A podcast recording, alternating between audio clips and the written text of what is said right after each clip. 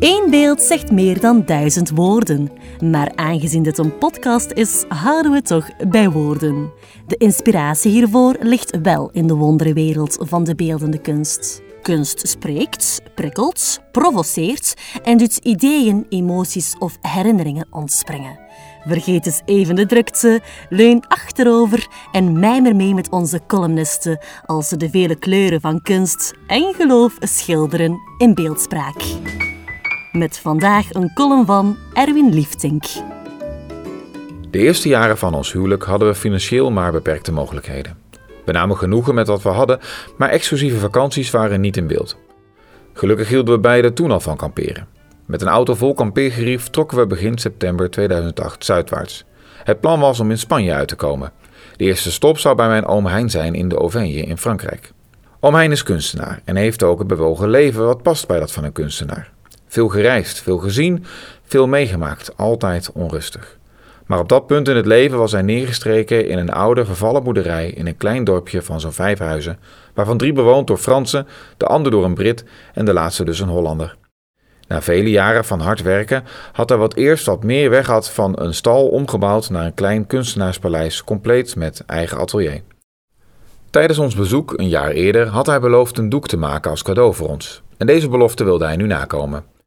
Na ons verblijf in Spanje zouden we bij hem terugkeren. Hij gaf zichzelf de tussentijd om het werk te maken.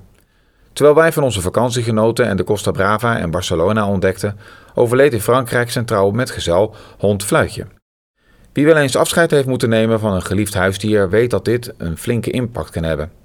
De eerste aanzet voor het werk werd dan ook donker en somber, want deze kleuren vertolken het best een somber gemoed. Onze voorkeur gaat echter uit naar meer kleurrijke combinaties, met heldere, primaire kleuren. Het kostte hem dan ook de nodige moeite om de gedachte om te zetten en te werken aan een meer kleurrijk geheel.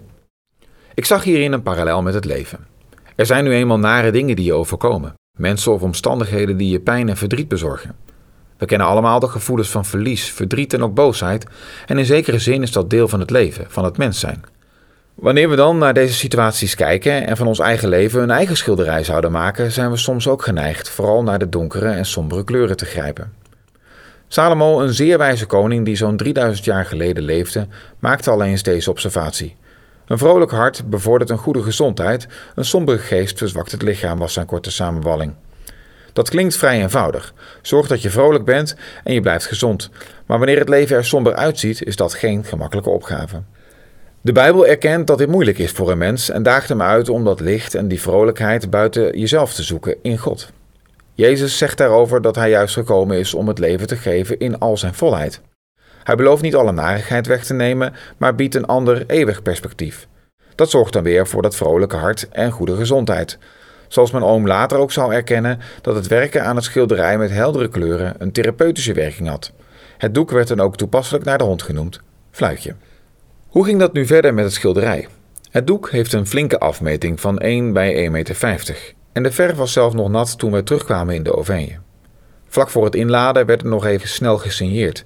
Het is gemaakt van olieverf en dat heeft de nodige droogtijd. Niet heel praktisch wanneer het een kleine 900 kilometer vervoerd moet worden. Met slechts enkele centimeters over aan weerszijden paste het enorme doek met veel moeite in de auto. Al het gerief moest worden herschikt en omdat het doek nog nat was, lag er een zeil over onze spullen. Een spanband tussen de beide achterramen hield het omhoog en het einde stak over de hoofdsteunen uit boven onze hoofden. In onze auto zonder airco konden de ramen dan ook niet open uit vrees voor beschadigingen aan het werk.